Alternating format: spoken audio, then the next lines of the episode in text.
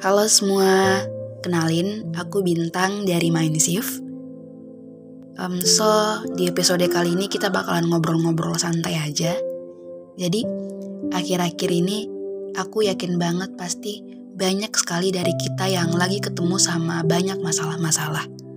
Masalah-masalah yang kayak nggak nyangka banget bakalan datang. Makin ke sini, aku makin sadar kalau untuk jadi dewasa, berarti aku harus kenalan dulu sama yang namanya gagal. Harus rasa dulu jatah gagal aku, baru bisa ketemu yang namanya berhasil. Aku nggak bisa langkahin proses itu. Belakangan ini, kalau buka Twitter, nggak sedikit aku lihat tweet teman-teman yang ngeluh dan curhat tentang hasil tes masuk PTN mereka. Dari SNMPTN gagal, terus waktu ikut SBMPTN juga gagal, coba lagi di mandiri hasilnya nggak sesuai sama ekspektasi. Banyak banget termasuk termasuk aku juga salah satunya. Aku ikut SNMPTN nggak lulus SBMPTN juga nggak lulus. Mau cerita dikit? Pas 22 Maret 2021 kemarin waktu hari pengumuman hasil SNMPTN seleksi masuk perguruan tinggi negeri kan. Sebelum daftar SNMPTN, aku udah baca dan dengar banyak banget perkataan orang-orang yang selalu bilang, Hey, gak usah taruh harapan besar di SNMPTN. Sistem penilaiannya tuh gak ada yang tahu. Jadi kalau nggak lulus ya nggak apa-apa. Ya, ya aku juga tahu, tapi nggak bisa bohong. Kalau saat itu aku berharap banget untuk lulus, karena mimpi aku ada di sana Mimpi aku jalannya akan sedikit lebih mudah kalau seandainya aku lulus lewat jalur SNMPTN. Dari jauh-jauh hari, sebelum daftar SNMPTN, sebelum isi universitas dan jurusan impian aku, aku selalu yakinin diri sendiri kalau mau diterima atau enggak itu yang terbaik. Wajar kalau seandainya nggak lolos terus aku sedih. Tapi aku juga harus percaya kalau pilihan Tuhan gak pernah salah nanti pasti di masa depan aku bakalan ngomong, oh jadi ini nih alasan kenapa dulu aku nggak lolos SNMPTN. Tuhan baik banget, ternyata aku dikasih hal yang jauh lebih baik. Hal-hal yang aku nggak bakalan bisa dapat kalau seandainya lolos SNMPTN. Berulang-ulang kali aku tanamkan kalimat-kalimat itu ke diri aku sendiri. Bahwa, Bin, nanti kalau kamu nggak lolos, ya oke nggak apa-apa. Dan waktu hari H, Aku semangat banget untuk buka hasil SNMPTN. Bahkan aku sampai taruh kamera untuk rekam ekspresi pas detik-detik buka hasil SNMPTN. Sebelum buka bahkan aku sempat asik ketawa-ketawa ngomong depan kamera, sosokan kasih semangat ke diri sendiri. Tapi waktu buka hasilnya, waktu lihat hasilnya, di situ tertulis Anda dinyatakan tidak lolos SNMPTN.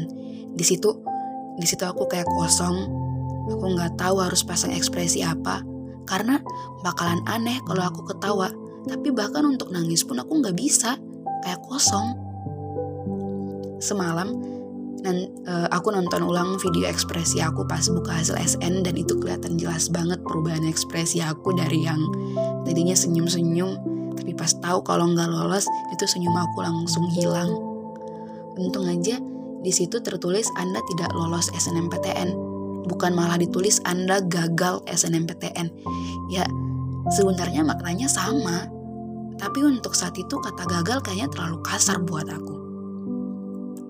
Apalagi bertepatan habis buka hasil SNMPTN, terus banyak chat yang masuk tanya-tanya, terus waktu buka grup kelas juga banyak teman-teman dan saudara aku yang lolos SNMPTN. Jujur aku senang parah waktu dengar teman-teman aku lulus. Kayak alhamdulillah bahkan bahkan aku bisa ngerasain perasaan senang mereka. Kayak ada energi positif dari rasa senang mereka. Tapi di situ aku langsung nanya ke diri sendiri why kenapa aku nggak lolos?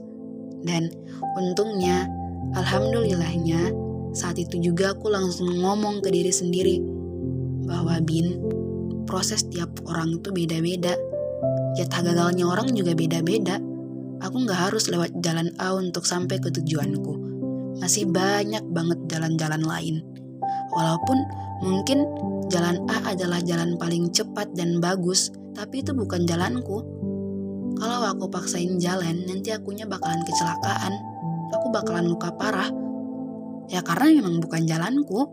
Kalau nggak bisa jalan A, kalau nggak bisa pakai jalan A, aku bisa coba pakai jalan B, C, D, bahkan sampai Z. Bahkan aku bisa buat huruf aku sendiri. Aku bisa buat jalan aku sendiri. Sekarang, setiap malam, setiap hari, yang ada dalam kepala aku cuma aku nanti 10 tahun ke depan bakalan jadi apa? Nanti aku bisa nggak sih dapat pekerjaan? Itu pertanyaan yang selalu ikutin aku ke mana pun aku pergi. Pertanyaan yang mengganggu tapi sebenarnya aku butuh diganggu dengan pertanyaan-pertanyaan itu. Supaya apa? Supaya aku nggak santai-santai terus. Aku baru sadar selama ini alasan kenapa aku jadi malas karena aku selalu berlindung di balik kalimat self reward jadi, aku malas-malasan, main Twitter terus, rebahan, dengan alasan ini nih aku lagi ngasih penghargaan ke diri aku sendiri. Kasian, udah capek belajar terus. Padahal aslinya baru belajar 10 menit, main Twitter bisa lebih dari satu jam. Itu bahaya sih, bahaya banget. Makin dewasa, secara nggak langsung banyak banget hal-hal yang udah harus jadi tanggung jawab kita hal-hal yang kalau bukan kita yang ngurus ya udah nggak bakalan selesai. Kayak contoh masa depan. Hei, masa depan itu tergantung di kita. Kalau bukan kita yang bergerak ya udah kita bakalan stuck di titik ini aja. Pasti capek. Itu wajar. Wajar kalau seandainya kita ketemu sama keadaan di mana kita rasa capek dengan semua tanggung jawab yang kita punya. Sama kayak kalian, aku juga pernah rasa capek.